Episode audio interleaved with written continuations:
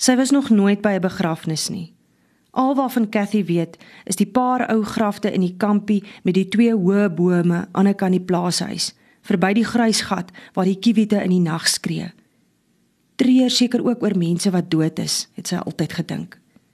Henny sê dit spook daar, maar sy moet net een aand as 'n donker maan is gaan kyk. Maar Jopie sê sy moenie in die nag soontoe gaan nie, want Henny en Dawid kruip agter die kopklippie weg en wag net totdat 'n mens aan die hekkie vat dan spring hulle uit met wit lakens oor hulle koppe en maak jou skrik. Hy was amper flou toe hulle dit met hom gedoen het. Hulle het nie respek vir die dooies nie, sê Jopie. En klein Jakob het altyd geweier om saam met haar te gaan, nie eers in die dag nie, want 'n mens soek nie moeilikheid met die voorvaders nie. Wat van die moeders? het sy nog gewonder. Nou is sy self by 'n begrafnis. Sy's nie bang nie, net hartseer, want dit is tannie Hetta wat begrawe word. Die dominee het eers op die plaashuis se voorstoep uit die Bybel gelees en hulle het 'n psalm gesing wat sy in die skool geleer het uit diepten van ellenden. Sy weet nie presies wat huilkind zenden beteken nie, maar smart verstaan sy vanoggend. Sy voel dit al vandat oom Gert haar vertel het dat tannie Hetta nooit weer terug gaan kom nie. Nou weet sy wat ellende is. Maar daar is amper nie meer huile daaroor nie. En al wou sy kon sy nie saam sing nie. Want selfs prys den Heer met blyde galmen wat Tannie Hetta haar geleer het sit ver oggend in haar huilkeel vas. 'n mens kan nie chunk en sing nie. Dawid het gesê Tannie Hetta is in die bruin kus met die blink handvatsels maar hulle het die deksel al in die dorp toe geskroef hoekom Henny sê hulle gaan haar tog met grond toe gooi Cathy wens sy kon Tannie Hetta net gegroet het net aan haar geraak het al was sy dood maar hulle het haar nie eers in die nag kom wakker maak nie. Net met die siek tannie hospitaal toe gegaan sonder om haar eers te roep. Oom Gert sê hy kon haar darm groet. Groot mense dink kinders wil nie ook iemand groet vir wie hulle lief is nie. Tannie Hetta was die enigste ma wat sy ooit gehad het. Al het sy vir haar tannie gesê en al was tannie Hetta 'n minnaar en sy 'n Marie.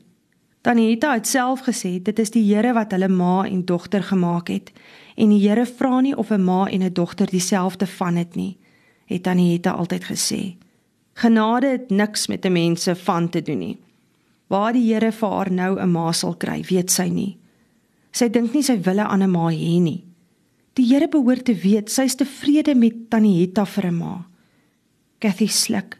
Sy was tevrede met Tannie Hetta. Nou sit sy en Roxie 'n entjie weg van die kerkhof af en hulle hoor net die dominee praat, maar hulle kan nie hoor wat hy sê nie. Die vrou met die afarm het gesê sy wat Cathy is, hoort nie naby die graf nie, want sy is nie familie nie. Nou sit sy en Roxie buite die kerkhof se draad. Sy verlang na Tanieta, maar sy sien net 'n kus wat toegeskroef is en wat hulle in 'n gat gaan sit en dit toegooi. Was dit nou nodig om haar te laat doodgaan, liewe Jesus? Sy kon mos maar net siek gebly het. Hulle sou mooi vir haar gesorg het. Cathy probeer hard om na haar regte ma te verlang, maar sy het nie 'n gesig om na te verlang nie. As sy probeer, is dit Tannie Hetta se gesig wat sy sien. Hoe verlang 'n mens na iemand wat jy nooit geken het nie? Dit help ook nie om by haar regte ma se graf te gaan sit nie, want niemand kan vir haar sê waar dit is nie. Tannie Hetta het gesê dit is tussen die ou claims, maar daar's nie 'n grafsteen nie, want Cathy se pa is weg voordat daar 'n kopklip gemaak is. Hy sou dit kom opsit wanneer hy terugkom. Hy sal seker nou nie meer terugkom nie, want sy wat Cathy is, is al amper 12. David het gister by die skool vir almal vertel Henny sê Cathy se ma het nie 'n graf nie. Hulle het haar sommer in 'n ou kleim gegooi en toe grys bo oor haar. Sy glo dit nie want sy weet mos Henny praat nonsens, want hy is sommer net 'n vark. By die graf sing die mense met kenne wat op hulle borse hang. Oom Gert het sy hoed afgehaal en hy staan naby die gat met die losper vrou langs hom, asof sy hom moet vashou sodat hy nie in die graf val nie. Asof sy nou skielik ook familie is. Cathy staan op om te sien hoe hulle die kus met osrieme in die gat laat afsak. Iemand hou 'n graaf vol grond vir die mense om die graf en hulle vat 'n handvol grond. Cathy kan hoor hoe dit onder in die grond op die houtkus val. Hulle sal die hele dag vat as hulle die gat so handjie vir handjie vol grond wil gooi. Toe almal terugloop plaashuis toe, kom juffrou Gous by Cathy staan. Sy het nie eers geweet juffrou gaan ook vandag hier wees nie. Niemand het daar gesê nie. "Kom my kind," sê juffrou. "Kom, dan gooi jy ook 'n handvol grys op die kus. Ek sal by jou staan, want ek weet jy wil ook vir Hetta groet. Sy was goed vir jou." Roxie bly by die hek sit. Nou kan sy die trane nie meer keer nie. Dit val net seer deur haar keel sodat sy nie woorde ook nog kan sê nie. Totdat juffrou Gous haar sag teen haar lyf vasdruk. "Sal ek nog skool toe kan gaan, juffrou? Dit is al plek wat lekker is." "Natuurlik, my kind. Jy is dan die slimste in die skool. En volgende jaar juffrou sal help." Tannie Hetta het altyd gesê ek moet gaan leer, juffrou. Ek wil ook 'n juffrou word soos juffrou. Bly droom. Tannie Hetta het altyd gesê jou pa was ook 'n dromer. Het sy drome waar geword, juffrou? Ek weet nie, my skat. Al wat ek weet is dat jy asseblief nooit moet ophou droom nie.